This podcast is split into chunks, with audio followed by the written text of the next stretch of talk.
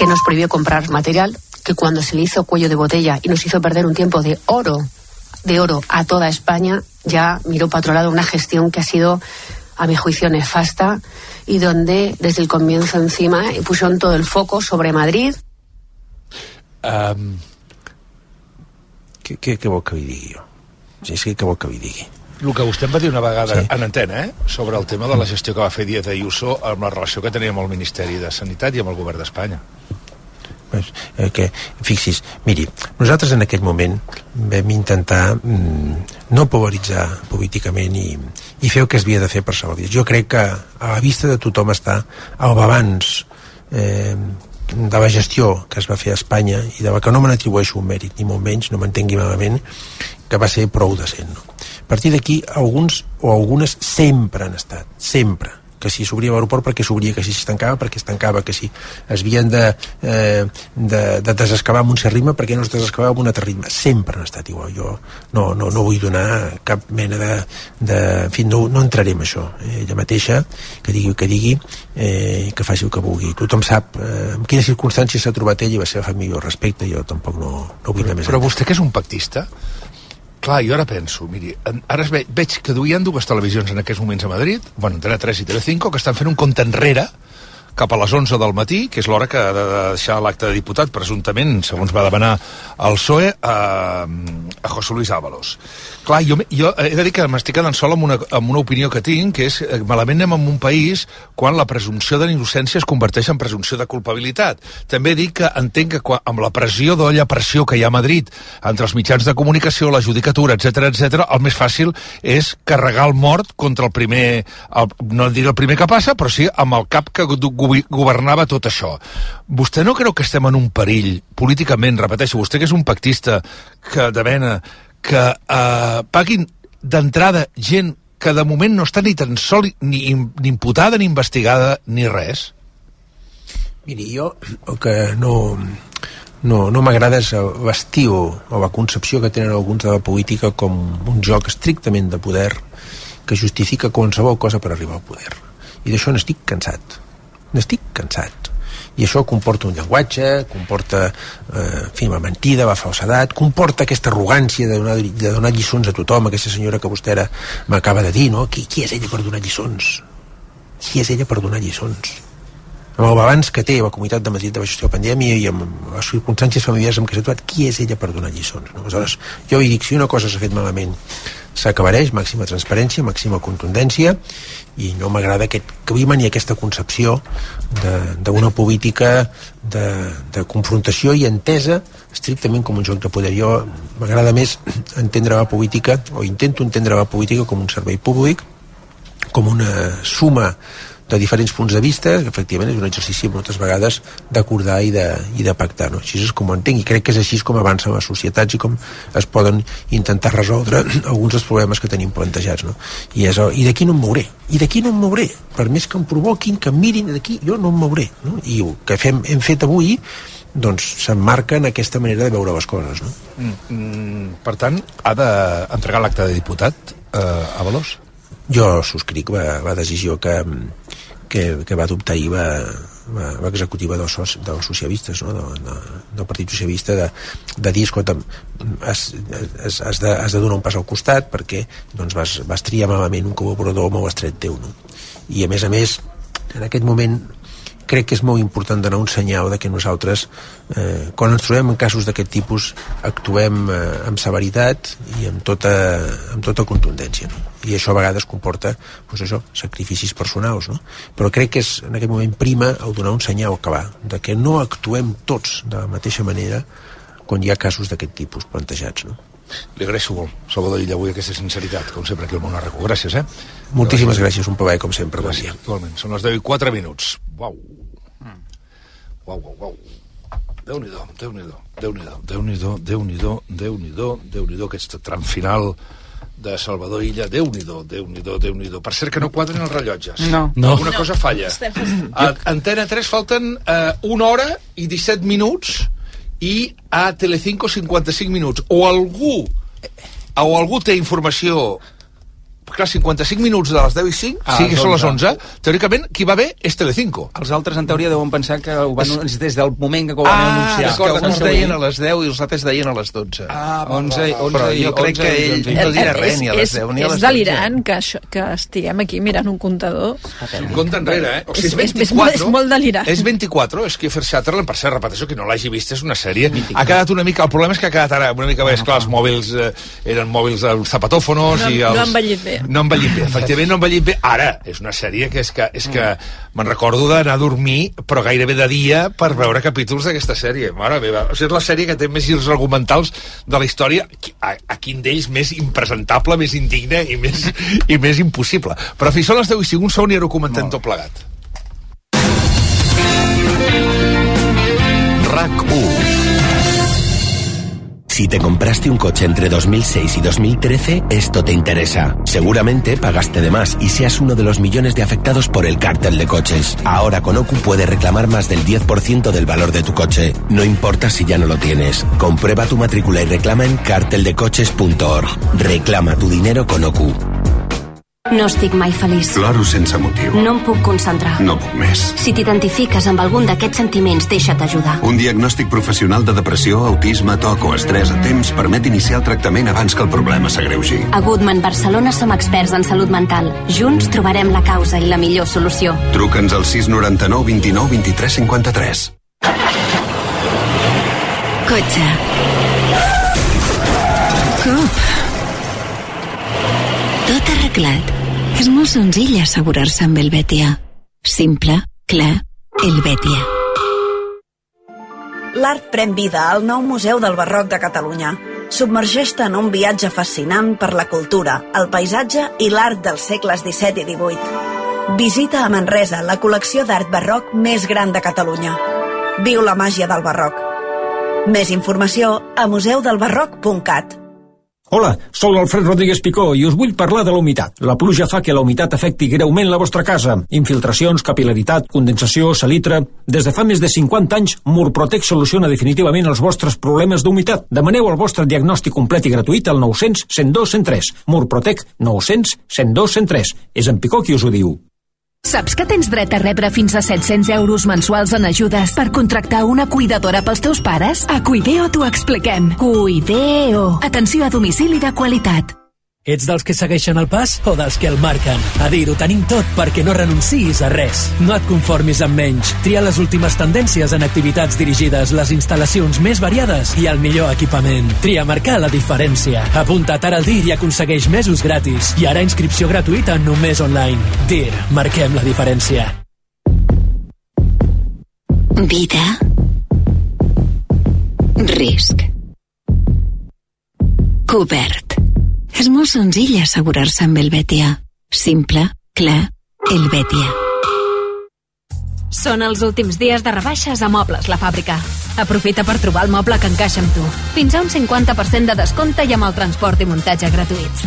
Mobles La Fàbrica, el que ens fa únics és ser diferents. Obert al migdia i pàrquing gratis.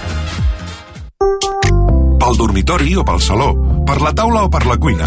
És la roba de llar de la Mallorquina. Llençols, coixins, mantes, cobrellits, tovalloles, barnussos, estovalles... Tota la roba per a la teva llar és a la Mallorquina.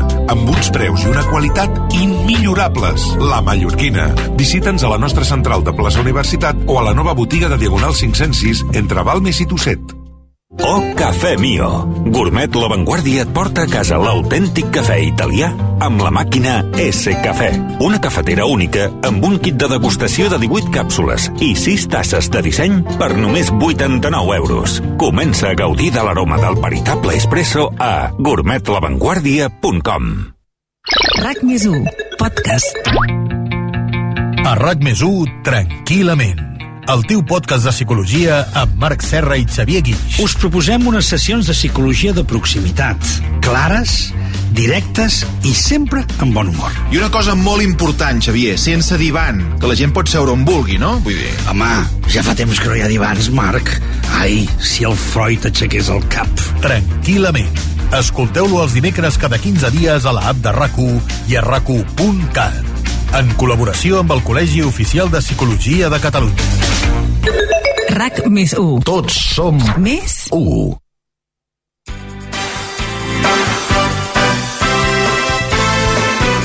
El parc plegat. Són les 10 i 10. Eh, Isabel Díaz Ayuso, repeteixo que ahir estava a Telecinco, que avui estava a la copa amb el Carlos Herrera, ha fet una declaració de realment, o sigui, tot jo crec que això de llançar-se els morts de les residències pel cap, els uns als altres, els altres en l'únic i passava per allà, és mal negoci. És mal negoci. Escolteu. Él está chantajeado ahora mismo por muchas, eh, por muchas partes. Está chantajeado por su propio ministro, está, está chantajeado por una trama de corrupción que se Ah, verá no, hasta no, perdó, no és aquest, no és aquest, no és aquest. Perdó, perdó, perdó, perdó. M'han dit que m'esperi un segon. Aquest és el tema de Bildu i d'aquestes coses. Um, uh, abans sentíem... Uh, quin tall he de tirar? Aquest, aquest quin és? Perdoneu, aquest és el tema de Bildu, no? Val, deia, doncs la presidenta de Madrid diu que Pedro Sánchez està sent víctima d'un xantatge i insisteix que Bildu s'hauria d'il·legalitzar. Él está chantajeado ahora mismo por muchas, eh, por muchas partes. Está chantajeado por su propio ministro, está, está chantajeado por una trama de corrupción que se verá hasta dónde va a llegar. Está chantajeado por Puigdemont, está chantajeado por unos socios que lo único que quieren es destruir España y fabricar mm, repúblicas paralelas. Está chantajeado por el propio Bildu, que, insisto, debería ser llevado ante el Tribunal Supremo, no porque no me guste Bildu, no porque no me gusten sus ideas y por tanto hay que legalizar lo que no me gusta, sino porque incumple la ley de partidos, especialmente en su artículo número 9, y por tanto tendríamos que preguntarnos ante la justicia si Bildu es legal. Entonces Sánchez está chantajeado por todo esto. Eh, entonces, si acaba o no la legislatura, solo lo sabrán ellos porque entre ellos se tapan. Això és amb el tema de, de Bildu. I ara va, a, ara sí, ara va el tema de, de Catalunya i de les morts i de les residències amb l'època del coronavirus. Este virus se ensañaba especialmente con los mayores. Evidentemente, en las residencias, que es donde había más mayores, las cifras en proporción a, a la población, a la densidad de población en otras regiones fue muchísimo mayor, fue muchísimo mayor en Cataluña, fue muchísimo mayor en Aragón y en otras gobernadas por el Partido Socialista, algo que a mí me parece asqueroso hablar así y a empezar a dar cifras, pero les animo, os animo a investigarlo. Y además en qué comunidades autónomas sí que hubo un protocolo que no existió en Madrid, que era un borrador falso, que se filtró, un borrador que se filtró, que nunca se aplicó puesto que no ha habido un solo gerente, un solo geriatra, no ha habido un solo médico en la Comunidad de Madrid en una residencia que haya recibido una orden de ese tipo. Sí lo hubo en Aragón, os animo a verlo porque está publicado y es normal esos triajes. No se llegó a aplicar aquí y se retuercen mis declaraciones cada vez que hablo. Li sembla escarós. És a dir, i a més que li falten vegades eh, per parlar de Catalunya. Eh, una diferència entre el que va passar aquí o el que va fer ella és que a Catalunya, per exemple, el conseller eh, del RAM, Shakir El Honrani, va ser dimitit. En canvi, ella mm, no coneixem, no tenim record que digués o assumís cap error en aquell moment. I, i ningú diu que, que era, ningú encertés especialment en aquell moment, eh? perquè tot va ser, eh, com sabem, complicadíssim. Ara, que sempre amb aquesta torre mediàtica que fa ella eh, i altres, eh, eh, el concepte Catalunya, per molt fastigós que el sembli citar-lo, l'hagin de citar, també té, també té tradició. Recordem aquesta informació que va sortir al diari que deia que la mortalitat per Covid a residències es va disparar a Madrid al 47%, quatre vegades més que la resta de comunitats autònomes. Bueno, i que només cal mirar les dates epidemiològiques dels primers dies, abans de l'estat d'alarma i els primers dies de l'estat d'alarma, quan el president Torra reclamava el confinament de Madrid i el, i el govern de Pedro Sánchez s'hi negava. Eh, vull dir, ella remet a les hemeroteques... Confinament de sí, sí, Catalunya. el confinament de Catalunya i, i, que, i que tanquessin Madrid També, perquè no s'escampés perquè el, no- ah, correcte. perquè no s'escampés el virus perquè, tot, perquè en aquell moment el centre epidemiològic estava a la Comunitat de Madrid i el govern espanyol s'hi va negar. Per tant, no és només una qüestió, diguem-ne, de- de- d'odi a Madrid, és una, era una qüestió epidemiològica que en tot cas es va descartar per centralisme. Eh, això, repeteixo que hi ha una revista que es diu Epidemiologia que compara els resultats de 13 estudis diferents que s'analitzaven a diferents eh, zones geogràfiques i les dades són, eren demolidores d'aquest estudi. Eh, eh, la comunitat autònoma van morir entre el 40,8% i el 46,7% dels majors, de, de- dels majors en Covid-19 a residències. O sigui, estem parlant de que pràcticament la meitat de la gent gran que estava a residències va morir, els que van agafar el Covid. Mentre que la resta de zones aquest percentatge estava entre el 7,7%, que és el més baix que tenia Granada, amb el 25,9% de Castelló. Entre la meitat i gairebé 5 vegades menys que a Madrid, Andalusia el 10,9%, a Galícia el 12,5%, Albacete uh, l'11,9%, a Navarra el 13,8%, a Euskadi el 15,3%, a Guipúscoa el 16,8%, a l'Aragó el 18,3%, a Catalunya el 18,8% i en tot això, per exemple, a Sant Cugat del Vallès, que era una de les zones on hi havia més alt, eh, més alt percentatge, 23,4%. Per tant, el Madrid tenia més del 40% de mortalitat i Catalunya més del 18%, és a dir, més del doble. Però això, és, això és el que passa quan, quan tu reps, eh, intentes rebatre els arguments eh, sobre la teva gestió tirant de titulars. El que va passar a Catalunya és que va haver-hi focus molt concentrats mm. on va haver-hi una alta mortalitat. No? Clar, si després mires quin és l'índex de mortalitat que va haver-hi a totes les residències, no és equiparable al que va haver-hi a Madrid, que va ser més generalitzat. Aquí vam tenir focus molt concrets, unes residències molt concretes durant tot aquell temps. Una apreciació respecte a el que deia el Toni Aire de, de l'autocrítica. Si jo no recordo malament, el responsable de l'àmbit de sanitat en aquell govern era Ciutadans, a Madrid, mm -hmm. i s'ho va quedar ella sí, sí. o sigui, va replegar no, cap al sí, PP sí, s'ho va, va quedar ella sí, sí, va quedar ella, o sigui que eh, no és Sense que hagi de fer cap, cap o sigui, culpa ni res, sí, sí, sí, sí. vull dir que ella va assumir la part de la gestió en primera persona. I una cosa més, és que a més aquestes xifres que ha dit el Jordi ara, també perquè la memòria de tots plegats és molt curta i passa moltíssimes coses, però Madrid les negava. És a dir, Ara, per exemple, el Miquel Samper, que va ser conseller a l'època, em diu, diu, lo de la Ayuso és directament terrorisme polític.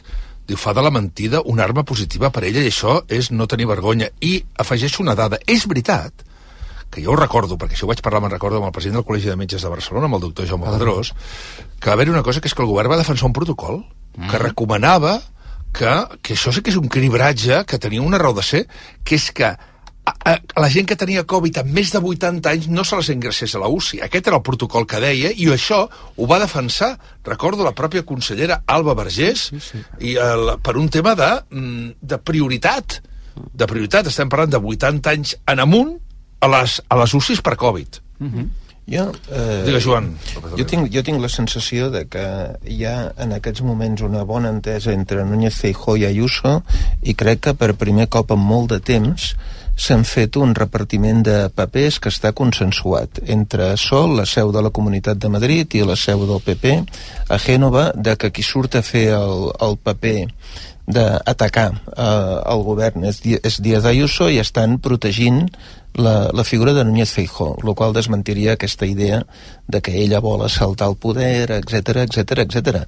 Eh, de lo que esteu dient, en el fons, això eh, amb Antoni en podríem parlar moltíssima estona, el que aquí hi ha és l'intent del Partit Socialista de versus un cas de corrupció que afecta no només el govern, sinó un grapat de nuclis de poder importantíssims pel Partit Socialista, intentar fer reviure el debat sobre la gestió de la pandèmia, però, bueno, en aquells dies va sortir en el seu moment també Pablo Iglesias en aquelles rodes de premsa rotllo monòleg que feia Sánchez eh, Pablo Iglesias dient que l'Estado assumia la gestió de tota la pandèmia i es va entrar en tota una discussió sobre qui era responsable de què, però el que veurem és aquesta baralla sobre eh, si el que compta més és la corrupció o, o com es va gestionar la pandèmia. I una última consideració.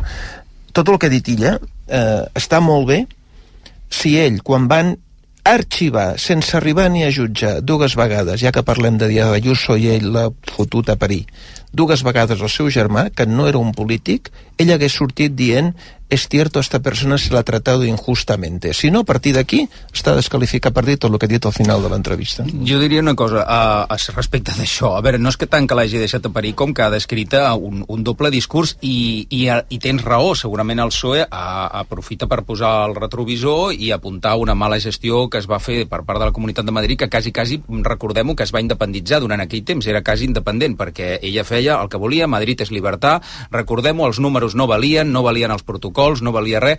Ara, amb ella li han pogut les ganes, perquè la primera que cita el seu germà la setmana passada és ella. Quan esclata tot aquest factor mm, Ábalos, Coldo, García i companyia, ella surt i menjant-se-la al personatge surt a dir que eh, y esta gente que ahora protagoniza esto fueron los mismos que intentaron destruirme familiarmente atacando a mi hermano y me gusta mucho la fruta personatge ja mm, autofagocitant-se, és a dir, recordant el concepte me gusta la fruta, que és quan li va dir, diguem-ho clar, fill de puta el president del govern d'Espanya yeah. quan, eh, quan la va apuntar, eh, però és ella qui esmenta el seu germà la setmana passada. No, jo, jo que faig seguiment de premsa com feu vosaltres constant, ningú havia citat el germà de la senyora Ayuso. És ella la que surt, dejar-me sola, eh, i surt, i a veure, realment els altres ho aprofiten, perquè sí, realment va haver-hi una gestió eh, defectuosa en el millor dels casos. A veure, uh, segur que la gestió d'Isabel Díaz Ayuso de la pandèmia a la Comunitat de Madrid no va ser exemplar. De tota manera, té, jo crec que té raó amb dues coses. La primera és que en algun moment sí que haurem de fer una revisió a fons de la gestió dels primers dies de la pandèmia, perquè en nom de, de la imprevisibilitat i de que tots i del xoc amb què ens va agafar tots, uh, hem acabat assumint coses que podrien no haver passat. I la lentitud de reacció és una cosa que podria no haver passat.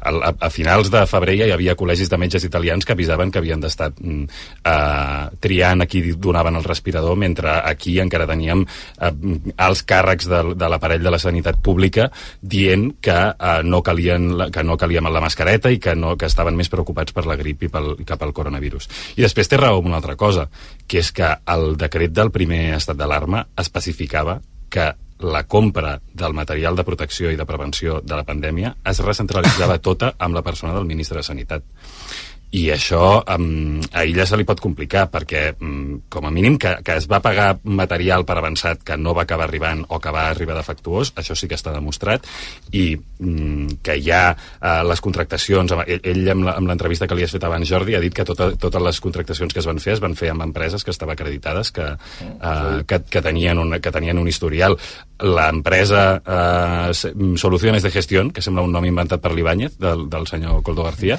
eh, no és, és veritat, aquesta empresa, com abans el Joan ho ha retratat perfectament, sí, sí. l'any anterior estava inactiva, no tenia ingressos, tenia cinc treballadors i va passar a, de, va facturar 16 milions en dos mesos i va passar a 54 milions amb el temps que va estar eh, activa i després va desaparèixer del mapa. Um, Home, eh, una cosa és que estaríem parlant de que Avalos, a través del Ministeri de Foment, eh, tot s'acabés allà, no? Però tenint en compte que el govern de les Illes Balears, de qui ara és presidenta del Congrés espanyol, va contractar aquesta empresa, el govern de les Illes Canàries, de qui ara és eh, ministre de Política Ter Territorial, Ángel Víctor Torres, també va contractar aquesta empresa, que el Ministeri de l'Interior també la va contractar, eh, algú, devia, algú devia recomanar aquesta empresa, algú la devia posar en circulació. Llavors això, mm, tard o d'hora acabarà esclatant per fer un apunt del que dius tu, eh, jo crec que hi ha una certa mala consciència de Francina Armengol a les Balears perquè un cop ella ja ha perdut les eleccions del mes de maig, però ja amb les eleccions perdudes, presenta una demanda contra l'empresa del Coldo perquè estan amagatzemats en, en una nau industrial de Palma eh, no sé quants eh, centenars de milers de mascaretes. I suposo que per evitar que vingui el govern a continuació del PP i, i li tregui això i li tiri per la cara ella de forma preventiva demanda a l'empresa del Coldo per dir escolti, torni'm els diners d'això. I a més a més... És que se'ls torni perquè era material defectuós en aquell moment. Sí. Vull dir que no, Aquí el, el, el problema és que hi ha una línia eh, que, és, que és molt prima entre si els contractes estaven ben fets, que és el que defensa Salvador Illa, que estan fiscalitzats i que per tant els contractes estaven ben fets amb les condicions fixades en aquell moment, i és que no hi ha concurs sí, públic, que, que, era, que era qui tingui mascaretes on no, on són les mascaretes que les comprem, diguéssim, però que estan fiscalitzats i després en paral·lel és sí, efectivament hi ha una trama d'uns senyors que se n'aprofiten per cobrar comissions al marge del contracte, que seria el cas en el que, del que estem parlant. Llavors, que l'empresa passés de 0,53 milions de facturació es, es, es pot justificar per als contractes. El que no sabem són els diners que cobraven els suposats comissionistes. Parlem de, parlem de comissions. Però, però igualment, sí, sí, els suposats parlem, comissionistes. Parlem de comissions. Tan sols una dada. Dels 53 milions que es van utilitzar o que va facturar aquesta empresa, el que aquesta empresa va destinar a la compra de mascaretes era el, no el 13%. O sigui, 6 milions. La resta, de 6 fins a 53, eren despeses d'estructura amb aquests 5 treballadors, per tant no gaire, i l'altre, per resumir-ho aviat, a la butxaca. Em permeteu una cosa, a banda de, la, de que estiguin tot eh, estipulat perfectament, que digui el senyor Ida que tot estava dins de la, del que era el marc, més faltaria, és a dir, que s'haguessin fet coses fora de la contractació pública que tocava. Clar, no, no, no, hi havia. La, ja, no hi havia el problema de fons està en com o sigui, el problema polític que té ara el PSOE, i m'agradarà veure com se'n surt Pedro Sánchez, és, enmig de tota la seva estratègia, fins ara ben, ben portada, de ser el més net de la classe, és molt lleig. És a dir, aquest senyor Coldo eh, el currículum que tenia era portar el carnet de la UGT i del PSOE a la boca. No passa només amb ell, passa a molts, a tots els partits. Hi ha aquesta tipologia de personatge, que a més l'etiqueten d'assessor i no ho és, perquè no feia d'assessor. Que, És que un m'explica- conseguidor. que m'expliqui aquest senyor a què assessorava, en tasques de què. Pues no només estava ja en, amb, de mà dreta d'un senyor ministre, perquè era el que era, perquè era un senyor que va fer, entre altres, de guardià dels avals de Pedro Sánchez en les primàries, però guardià físic, de Però per què els guardaespatlles. havien de guardar? A la dutxa, a la dutxa. Però per què els havien de bueno, guardar? Però, però el, el meu, el meu sigui, problema, el el problema de fons, pregunta el és- problema de fons amb això, bueno, perquè tenien poc el Rubí, sí, però era una Ja, situació però, molt però amb qui complicada. tractes? Però, però quina mena de partit? Perdona, en Però aquell- quina mena per- de Joan, però, perdona, aquell, d'organització? aquells, aquells anys, en aquella ocasió, vam veure a la calle Ferrat gent arrencant mànigues de jaquetes i de camises a altra Sí, gent, eh, però- que, ens, que ens n'hem oblidat. Per Però tant, és Una senyora xungo. cridant l'autoritat però, soy jo. Però el Però és problema, el, el, tot exacte, el problema dramàtic de tot això és el senyor Coldo eh, García va arribar allà per això, però el que és denigrant per la classe política i el que afecta a una part de l'opinió pública molt important és que llavors es va fer milionari per això. Eh, el tenien col·locat per tenir el carnet a la boca. Molt bé, algun dirà, com a tots els partits. Perfecte, és un drama. Eh, també taca a la figura dels assessors. Ha assessors en àmbit de comunicació, de gabinets, eh, d'imatge, de protocol, de mil i una coses que fan la seva feina, la fan ben feta, i que personatges com aquests els taquen. Ara, eh, Coldo García no estava allà per els seus mèrits des d'un punt de vista professional i el, que, el problema és que s'ha fet milionari a costa de tot això. No, no, Pedro no. Sánchez com fa el tallafoc ara de que ell no en sabia res quan era una persona que amb el mateix Avalos doncs el van portar on és ara. Toni, t'equivoques. Coldo, el senyor Coldo García està allà pels seus mèrits. Sí, clar, però no, els mèrits no, no, no, eh, estipulats. No, està allà sí, pels seus sí, mèrits. Ja ho estic Però és un altre tipus de Crec, crec que meritocràcia. se m'ha... És, Ja una, que parleu és un de altre assessors- tipus de Ja meritocràcia. que, ja que parleu d'assessors espanyols, puc compartir una informació. A Espanya, eh, la indústria política, o sigui, gent que sigui assessora, que no té un càrrec electe, són eh, aproximadament unes 200.000 persones. Perquè us pugueu fer una idea, el doble que Alemanya amb la meitat de població. Acabo, acabo amb la informació. Perquè hi ha molta palla. Eh, a la Moncloa eh, treballen eh, més assessors que a l'ala oeste de la Casa Blanca. Bueno, Bueno, en tot cas, el aquest no problema és el està tema. qui El fa de tema veritat és, el tema és, el tema és que no només és partidisme, no només és partidisme del PP, i a mi em sembla bé fer-ho, fer una revisió de com es va gestionar la pandèmia i de com es van gestionar els primers dies de la pandèmia i els primers mesos. Recordem que el segon estat d'alarma va caure. I llavors, no és només que hi haguessin, hi haguessin pomes podrides i hi hagués gent corruptible que es va aprofitar de la situació. És Que que, també. quan, és que, les, que, és que, les, que també, és que la pandèmia, les pandèmies i les, les catàstrofes naturals i aquesta mena de situacions no es poden aprofitar per bé, per benefici de l'autoritarisme i per benefici de l'opacitat i de la manca de transparència. I que se, que se suspengués el portal de transparència, que s'anul·lessin els terminis establerts, que es, pogués, que es poguessin fer contractes a dit, que s'amaguessin els costos i els, i els beneficis dels contractes que es van fer durant la pandèmia. Doncs, um, igual que la militarització i la, i, i, i, i, i la, la, presen la haver optat per la força de la policia a l'hora de mantenir l'ordre públic durant les primeres setmanes de confinament s'ha de revisar, doncs potser també hem de revisar si uh, aquest campi qui pugui que es va, que es va obrir durant, durant els primers dies de la pandèmia no era una manera de satisfer aquesta temptació que, tenen, que té de vegades el poder de fer servir qualsevol um, desastre per reconcentrar encara més poder. Home, no- no- no I sé això si- va ser, va ser, no perdó, sé si va ser el camí que va triar el PSOE i que, van triar, i que va triar Podemos. probablement el camí no era l'encertat, però no sé si en aquell moment estaven pensant en recentralitzem tot el poder, sinó que tenien un marrón bastant considerable, com es va poder comprovar setmana rere setmana. Però la lentitud de reacció és la seva sí, però la, també. Sí, sí, la, el problema és que tu dius... Eh, es van eliminar tots, tots els filtres a l'hora de la contractació pública. Si tu compares el que ha passat ara, per exemple, amb l'adjudicació de fons europeus, la, buru- la burocratització de l'administració pública ha deixat que un percentatge molt alt de fons europeus continuen sense ser adjudicats. Tu t'imagines aquesta burocràcia, o sigui, estar sotmès amb aquesta burocràcia a l'hora de comprar les mascaretes? No, si a mi no em sembla, és que no, necessari... és a que mi no, no em sembla funciona. necessàriament malament, Llavors, però... si tens, però... si, si tens el, el, o sigui, els contractes i això ho sentirem repetit i repetit i repetit fins a la societat en els propers dies. Els contractes eren correctes, han estat fiscalitzats pel Tribunal, pel Tribunal de Comptes. El que hem de sentir també és que hi ha desenes de denúncies que estan a la Fiscalia pendents de veure si arriben al jutjat o no arriben al jutjat, referides precisament amb aquest tipus de contractes. Aquesta denúncia que, que aixeca aquest cas la presenta el PP, que es posa a buscar possibles irregularitats després del cas del germà de la senyora Ayuso. I la senyora Ayuso ara surt allà com dient jo ho he aconseguit perquè ens hem posat a buscar i, hem, i hem trobat un filon. I no, és un, I no és una entrada qualsevol, és una entrada que arriba fins a la Moncloa. Que potser va ser útil per evitar problemes de burocratització i que potser era una eina beneficiosa si es controlava millor, jo no ho nego. Jo només dic que ara mateix hi ha 3.200 contractes que l'Oficina de Regulació i Revisió de la Contractació Pública, que és un ens independent que depèn d'Hisenda, però és independent, va dir que havia detectat que hi havia detectat anom anomalies mm, fins i tot dintre del marc del que estava permès en aquell moment, um, és, és un fet, o sigui, hi ha 3.200 Anomalies no contractes anomalies no són irregularitats, Disculpeu, eh? un segon. Vigilem. Bueno, hi ha contractes que s'han de revisar. U, Joan, les- ens hem de demanar les mascaretes eh, resulta, com ens ha explicat Francina Armengol i el propi, un propi govern socialista ha demandat en aquesta empresa no eren mascaretes homologades, dos, està sortint informació aquests dies de que aquesta gent venia mascaretes a 1,13 eh, euros, eh, un euro 13 cèntims, i que hi havia empreses que havien ofertat mascaretes, sí, amb condicions, per cert, a 44 cèntims. Eh, és evident que estem davant d'una trama ha aparegut una offshore eh, a Luxemburg per poder ingressar diners de, de tota aquesta història. O sigui, això ja que aquest senyor és el que va fer eh, la intervenció a la tribuna del Congrés de la moció de censura de l'estiu del 18 dient que es presentava al·legant el tema Bárcenas jo crec que això és el més semblant al cas Bárcenas del Partit Socialista que hem Home, vist.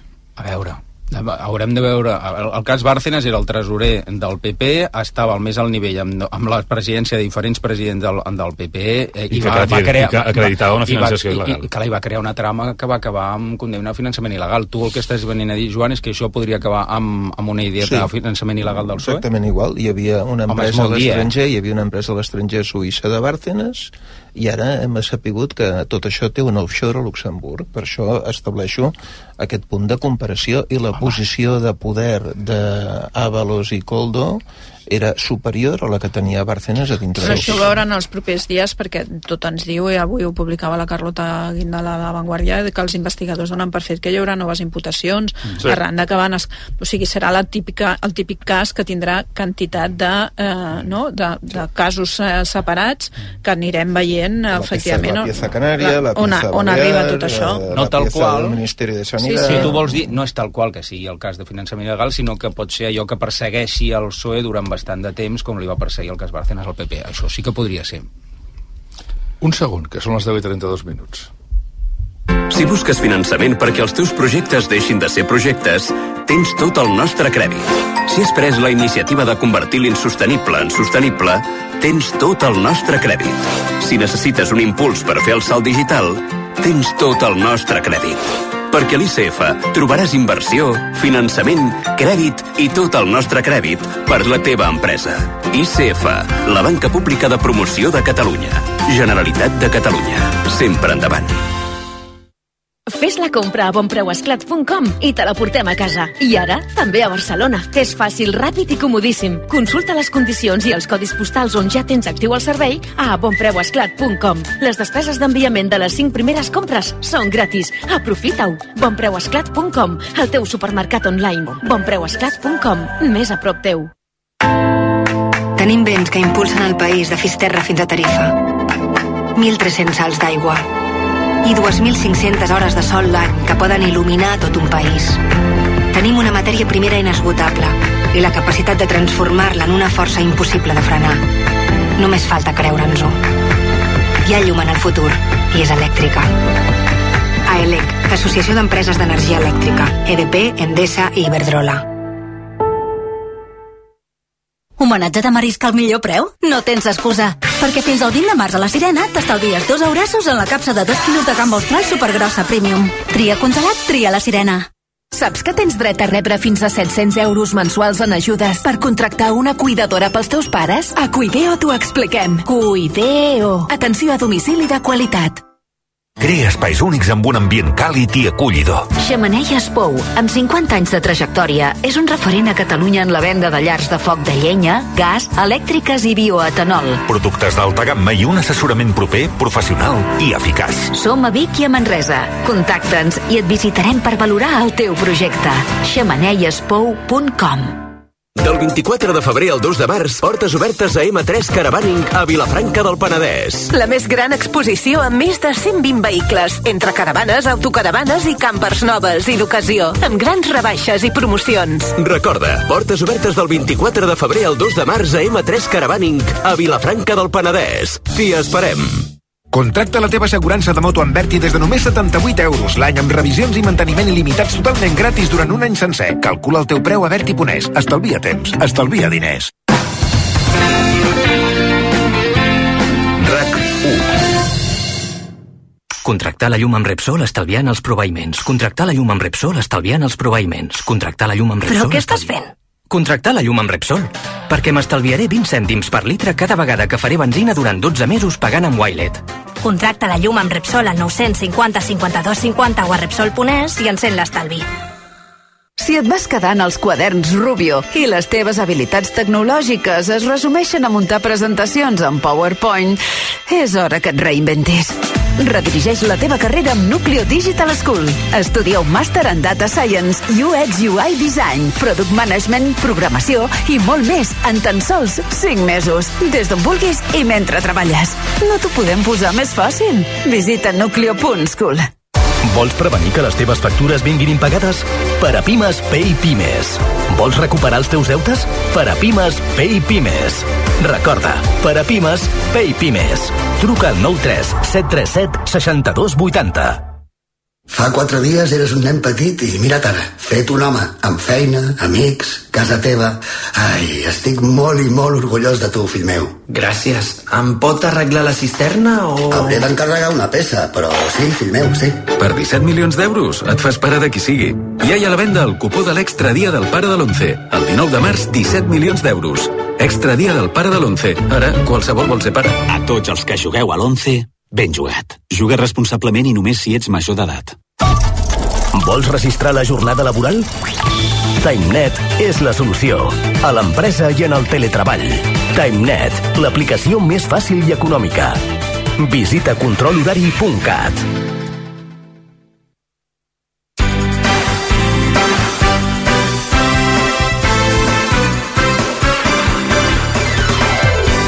Avui, a la tertúlia, amb l'historiador i expert en comunicació, Joan López Alegre, i els periodistes Isabel García Pagán, Toni Aire i Ot Bou.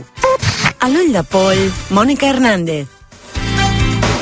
Són les 10 i 37 minuts. D'aquí uns moments um, faré una trucada al Víctor Endrino perquè Home. ens expliqui, sí, perquè només el nostre mòbil, jo, per exemple, em diuen que només fent servir el, el 20 o el 30% de totes les possibilitats que té un telèfon mòbil. I avui hem trucat al Víctor Endrino, aprofitant del Mobile World Congress, perquè ens expliqui si hi ha algunes coses que puguin saber fer més pràctiques que no trucades, enviar whatsapps i algun tipus d'aplicació, diguem-ho, que ens faci una mica més pijosa. Però el fa servir per trucar al telèfon? Sí, això és Ah, com vale. l'acudit aquell de José Luis Martín que un dia al periòdico posava en aquelles èpoques, imagina't quines èpoques eren, us en recordeu d'aquell rellotge Casio que tenien calculadora i tal, no sé quantos, doncs l'acudit de José Luis Martín al periòdico de Catalunya posava, diu, mira, diu, m'han regalat, un, m'han regalat un rellotge que té, que té botons que pots fer de calculadora, que sap multiplicar, que sap, sap dividir, et diu la temperatura de l'aire, i l'altre li pregunta, diu, i marca l'hora, dic, hòstia, no ho sé. Ara hi, ha, ara hi ha una moda de gent jove que torna als vells mòbils Nokia i aquests que no doncs tenen mira, cap mena no de donis idees, funcionalitat no em per donis idees, respirar no em tranquils. donis idees perquè, vaig, de fet, la gent més sàvia ara en aquests moments cada vegada porta més. I els coldos? Molt Nokias, per exemple, Sergi Pàmies porta un Nokia, Fermí Puig porta un Nokia, és a dir, gent que té la vida molt més... Molt més entre... Sí, sí. Mític. Sí, i però té raó el Toni, el Toni que ni- els, col, no coldos telèfon també. mòbil, eh? Els coldos Perdó, que té raó el Toni que els coldos també tenen un la gent Nokia. que vol fer en sí, també, també, també. No, no vull parlar... Aviam. Um, no vull parlar... No vull parlar... Però és que, aviam, vull tirar aquest tall... Es, escolteu el tall que hem tirat abans d'Isabel Díaz Ayús, sisplau. Escolteu, escolteu, aviam si el podem recuperar. Perdoneu, disculpa'm, Oriol, que a vegades es fot un gol. He dormit poc i estic molt cansat i els estic fotent un gol per tot l'escaire avui a l'equip amb moltes coses. Que ara vull el, el tall de la Isabel Díaz Ayuso que hem, que hem, que hem sentit abans, que parlava de la, que parlava de Catalunya i de l'Aragó, la gestió pandèmica, perquè esclar, si li foten el dit a l'ull, resulta que ell el que fa és fotre el dit als ulls dels altres. Anem a recuperar aquest tall, aquest document d'Isabel Díaz Ayuso. El tenim? Vinga. Este virus se ensañaba especialmente con los mayores. Evidentemente en las residencias, que es donde había más mayores, las cifras en proporción a, a la población a la densidad de población en otras regiones fue muchísimo mayor, fue muchísimo mayor en Cataluña, fue muchísimo mayor en Aragón y en otras gobernadas por el Partido Socialista, algo que a mí me parece asqueroso hablar así y a empezar a dar cifras, pero les animo, os animo a investigarlo. Y además en qué comunidades autónomas sí que hubo un protocolo que no existió en Madrid, que era un borrador falso, que se filtró, un borrador que se filtró, que nunca se aplicó puesto que no ha habido un solo gerente, un solo geriatra, no ha habido un solo médico en la Comunidad de Madrid en una residencia que haya recibido una orden de ese tipo. Sí lo hubo en Aragón, os animo a verlo porque está publicado y es normal esos triajes. No se llegó a aplicar aquí y se retuercen mis declaraciones cada vez que hablo. Això diu Isabel Díaz Ayuso, ha dit fa uns moments a la COPE, i jo vull saludar una persona que fa molt de temps que, que no el sento per la ràdio. Josep Maria Argimon, bon dia, doctor.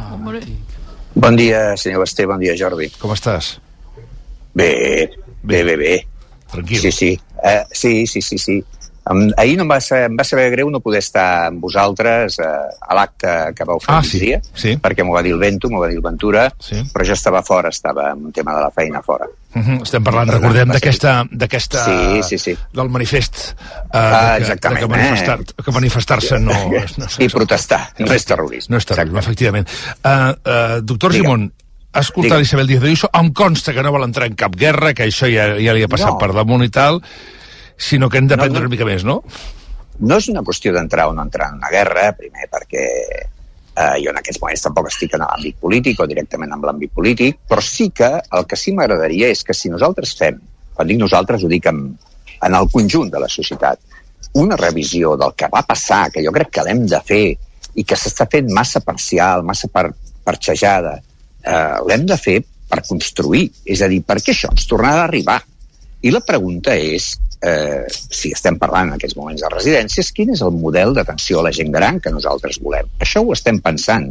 Parlo a Catalunya o parlo en conjunt com a societat, per exemple, o quines són les mesures que hem de prendre des del punt de vista de la salut. Perquè en aquí, i això sempre m'ho ha semblat, eh, que quan pensem en una propera pandèmia que ens arribarà, pensem només en l'àmbit sanitari, eh, d'atenció sanitària. I jo recordo un document eh, que el va treure el mes de juliol de l'any 20 al Comitè de Biòtica de Catalunya, on precisament el que deia és que preparant-se per la propera pandèmia és preparar tot el sistema, tot el sistema d'atenció social i de protecció social, tot el sistema. Perquè això és el que ens protegirà davant de, dels embats que ens arribaran.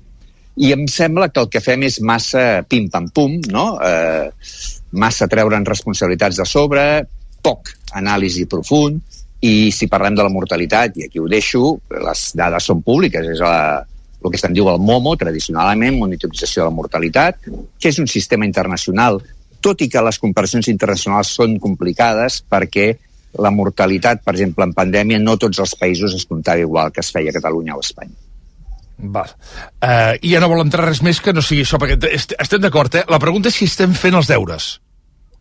Uh, home, això no ho sé perquè no, no estic en aquests moments en el, en el fregau i no sé si estem fent els deures, però la meva pregunta és aquesta, és a dir, realment nosaltres quin sistema d'atenció parlo ara a la gent gran o des del punt de vista de salut, eh? Nosaltres volem, no?, eh, per possibles properes pandèmies o en general, que no és només un tema de pandèmia. Això sí que he dit alguna vegada. Si nosaltres, per exemple, posem unes residències amb, amb llit, perdó, amb habitació individual, no ha de ser per una pandèmia.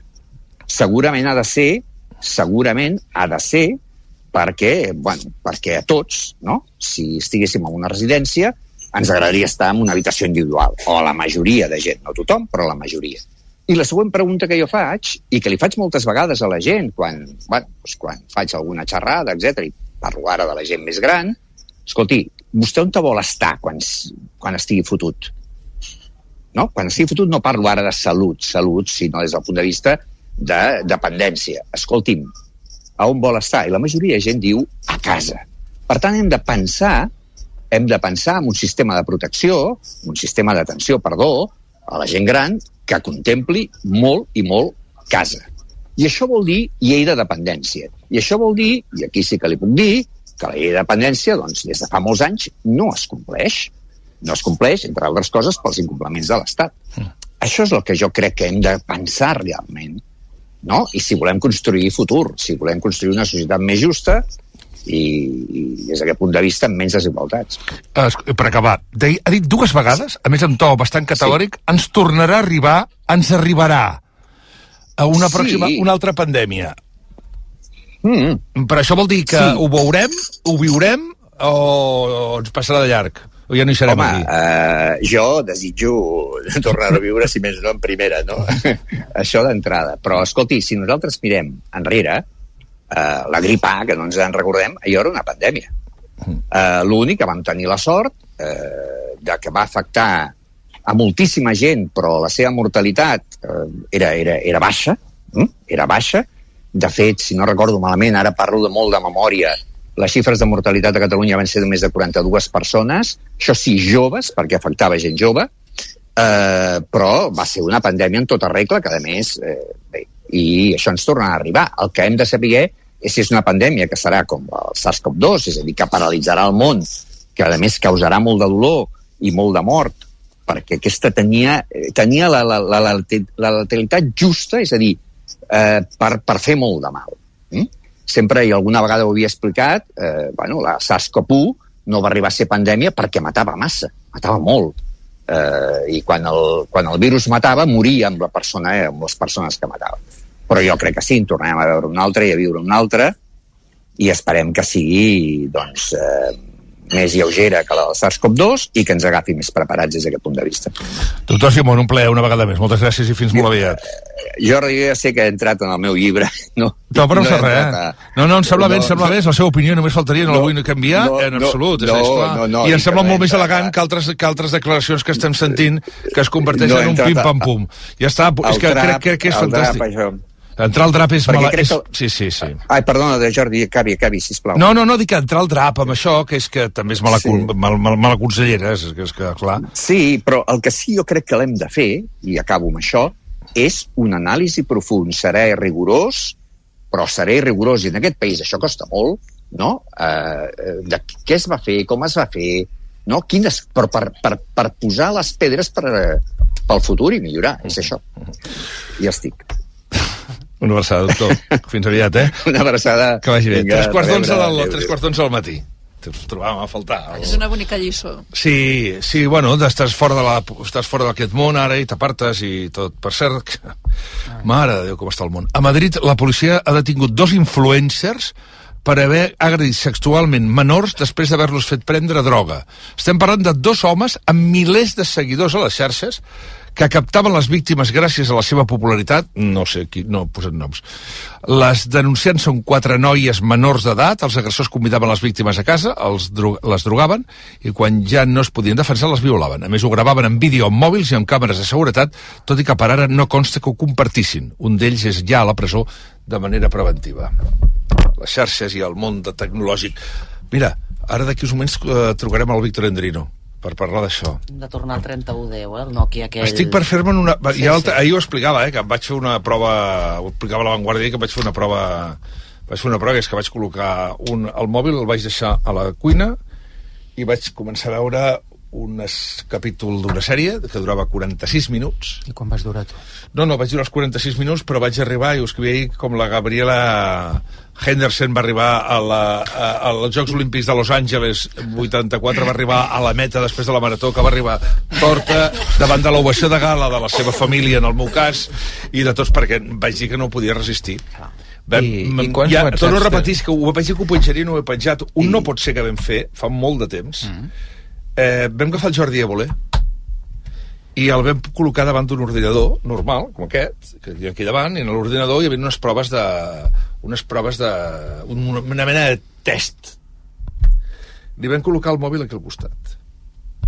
I llavors, des de fora, com si una, hi havia una peixera exactament igual, li vam col·locar aquí com una mena de, de com d'aquestes faixes de pressió que posen al braç, però també vam posar uns altres, uns altres punts, i llavors això mesurava l'índex de, de la pressió sanguínia també, una mena de pressió sanguínia, i també com anaven les alteracions. Mm.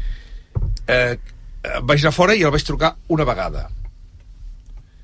Veus que mira el mòbil no el podia tocar. I llavors tornava a mirar i llavors miràvem el seu... I ella veus que ja comença a repuntar la tensió, no només arterial, sinó la física. Hi ha un moment que no parem de trucar-lo, no paràvem de trucar. Va començar a suar. sudoració. Va augmentar el límit, va augmentar la sudoració. I això, si ens passa a l'Évole, que és una persona jove, però que no ho és tan jove com els nostres, com el seu fill, o els nostres filles, a tot plegat, què li pot passar a una criatura que, ve- que viu permanentment aquí dins? Que viu permanentment aquí dins, si ens passa a nosaltres. Digue'm una cosa. Digue- Menja l'ot bou, que no li passa...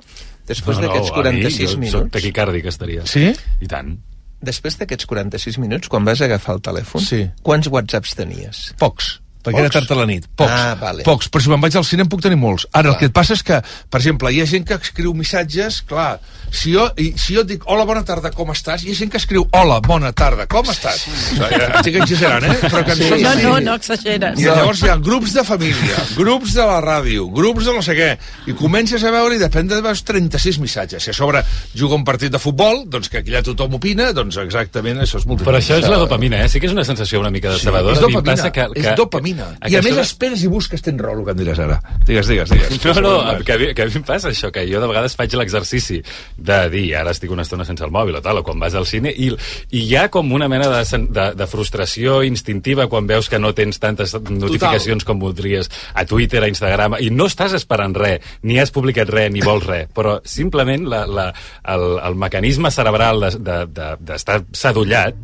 no, desapareix i, i, i, i, i, és, i és preocupant perquè veus com es reflecteix amb el- amb l'estat d'ànim, encara que sigui per uns breus segons. Això ho veu apuntar, em sembla, no pot ser que a més és la idea aquesta de com està estudiadíssim, generar-nos aquesta expectativa de que passi alguna cosa, de canvi, que és el que genera la dopamina, total, al final no passa res perquè no s'acaba el món, i, i us he de dir que jo crec que això són estats vitals. Tu podries eh? estar, Toni, Toni Mira, Aire... t'ho anava a dir, jo el cap de setmana ben bé no toco el mòbil.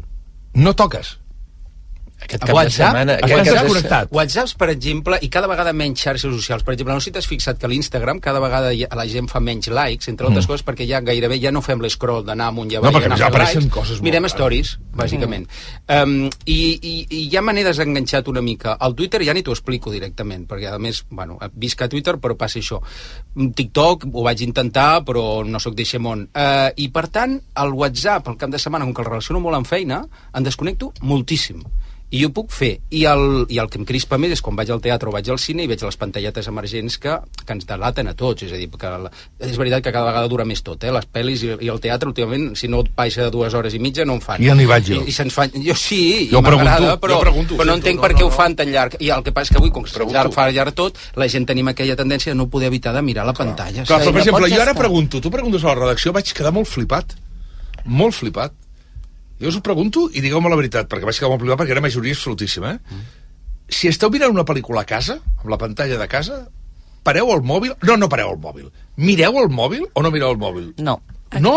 I tant. I tant? A casa meva han establert un sistema de tortura i és que cada vegada que se sent al mòbil, un missatge o el que sigui, aturen la pel·li. Oh, oh. Però això és Llavors, pitjor que la publicitat. Llavors, et re... no, no, clar, et responsabilitzen a tu de que allò no dura 46 minuts el teu capítol, sinó que pot durar una hora i mitja. És com un partit de bàsquet. I llavors arriba un moment en què ja dius, o sigui, és allò de dius, puc fer les dues coses, mirar la pel·li i, i, i mirar el mòbil si és un missatge de feina o el que sigui. Doncs s'atura. Eh, de manera que ja arriba un moment que dius o, o deixo el mòbil o no, o no anirem a dormir. Joan? Depèn. Si estic pendent de, de quelcom, jo reconec que no sóc com Antoni, el cap de setmana sí contesto whatsapps i sí contesto mails, No, no, els contesto. eh, però i de fet menys. aquest cap de setmana ho provaré amb tu. Vale. I- no, no, si i- acabo contestant, jo sóc molt educat, el és que puc estar-me hores i hores sense mirar-lo. Però si estic pendent de que em confirmin una feina una cosa que estic fent, sí, sí, no, no. He de dir que he dit que sí molt de pressa i estic pensant que, que, que depèn del contingut, perquè puc haver mirat tres vegades un capítol del Soprano i no i acabar-lo Però, per exemple, hi de ha una cosa, reveure jo ara, sense jo ara, mirar el hi ha una cosa que... Hi ha una, hi ha una expressió que sembla molt d'antes, que és anar a comprar el pa. És d'antes. Eh, és d'antes, però jo vaig a comprar el pa, encara. Però és xulo anar a comprar sí, el anar a comprar pa. I el diari. Jo sí que deixo el, el, el mòbil a casa. allà. Quan vas a comprar el Sí. Tu surts de casa sense el mòbil? Per anar a comprar el pa. sí, Oh, t'admiro molt. Jo, sí. soc, jo, si em deixo el mòbil, torno enrere a Sí, bueno, buscar-lo. sí, avui, avui, per sí, per sí, però per sí, I, per treballar i, no. I què vas amb els diners justos? No, vaig amb el mòbil també per pagar amb els Ah, però diners. llavors hi portes el mòbil. És broma, targeta. És broma, és broma. És l'única, va ser en targeta, llavors, clar. Ah. Perquè, clar, aquesta és l'altra que preguntàvem l'altre dia, si portes efectiu o no. No, molt poc. Però també, Oi. com que la, Ja som, animalons, som animalons d'assaig-error, també et passa que amb això de les sèries i tot plegat, jo al final he deixat el mòbil perquè em vaig fartar d'haver de tornar enrere de les Aviam. sèries que m'agraden fins i tot. Víctor Endrina, bon dia.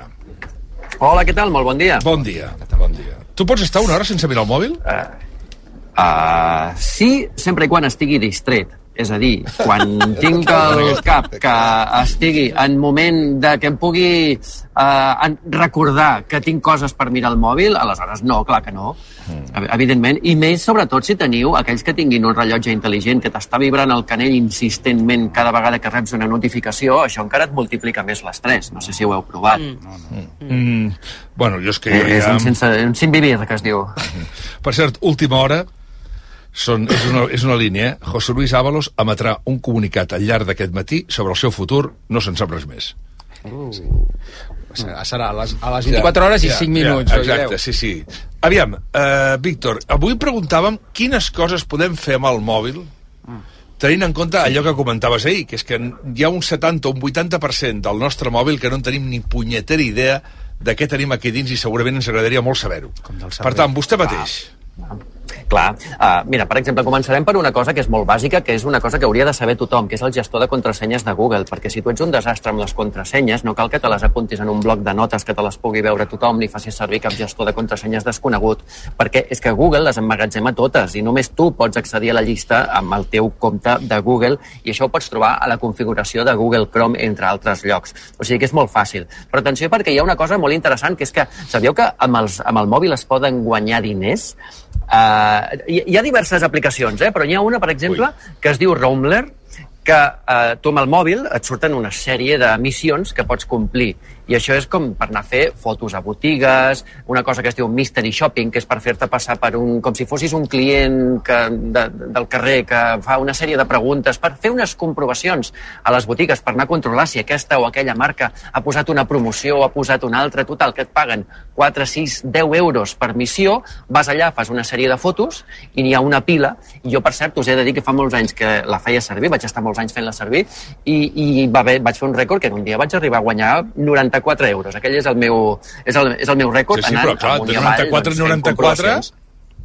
No, no, i tant, i tant. Uh, i, I sí, a més a més tenen un sistema que si tu convides un amic et t'emportes un 2% del que guanyi el teu amic. Bueno, aquí hi ha autèntics negocis. Uh, jo fa temps tenia un blog que es deia tuotrosueldo.com on, on recollia tota una pila de recursos per guanyar diners uh, per internet i a través del mòbil. Després, una cosa que ja vaig dir un dia en una píndola, que hi ha, hi ha aplicacions que són uh, detectors de metalls perquè, no sé, clar, ja, ja deveu saber que el, el mòbil està ple d'imants eh, i últimament els, els iPhones encara més, i això permet això permet que el mòbil pugui, pugui fer servir, es pugui fer servir per detectar objectes metàl·lics que continguin ferro. Eh? Si, si, si tu l'acostes a una nevera o a una paella d'aquestes d'inducció, segur que ho podràs comprovar. No serveix ni per joies, ni acers, ni aluminis, però metalls on s'enganxi un imant, això sí que ho pots trobar. I després, si no tens una cinta mètrica, hi ha una app, una aplicació que es diu Mesures de l'iPhone, que, que pots prendre mesures de les coses, l'alçada d'una persona, calcular distàncies, està molt bé. També n'hi ha per Android, uh, n'hi ha una pila, o sigui, es poden anar, es poden anar buscant. N'hi ha una que es diu AR Measure per Android, un equivalent a aquesta d'iPhone, AR Measure, AR Measure pels amics, que, que, va, que va molt bé. Després, no sé si ho sabeu, però ja és oficial i, i, i es pot fer portar el carnet de conduir al mòbil. És a dir, tu no cal que vagis amb el carnet de conduir eh, físic, de plàstic, a la cartera. Si t'has deixat la cartera i et para un policia, tu pots treure l'aplicació Mi DGT, que és el carnet de conduir al mòbil oficial i tan vàlid com el de plàstic i a més també et permet veure els punts que tens al carnet. Ah. O sigui que si alguna vegada us deixeu perdona, el carnet... Això, com, de... això com és això? Perdona, això, això m'interessa, Víctor. Això què és, això? L'aplicació la, es diu Mi DGT, la meva DGT. Sí i aleshores aquesta és la, la forma que tens per tenir el teu carnet de conduir digitalitzat al mòbil de manera oficial i amb el suport del, del, del govern d'Espanya. Ministeri, del, del Ministeri del Govern d'Espanya, evidentment. I això, a, a un mitjà termini, segurament també ho veurem amb el DNI. Passa que això ja és una mica més complicat. Però el carnet de conduir funciona. I ja sabeu que hi ha molts llocs on t'accepten també el carnet de conduir quan t'has d'identificar.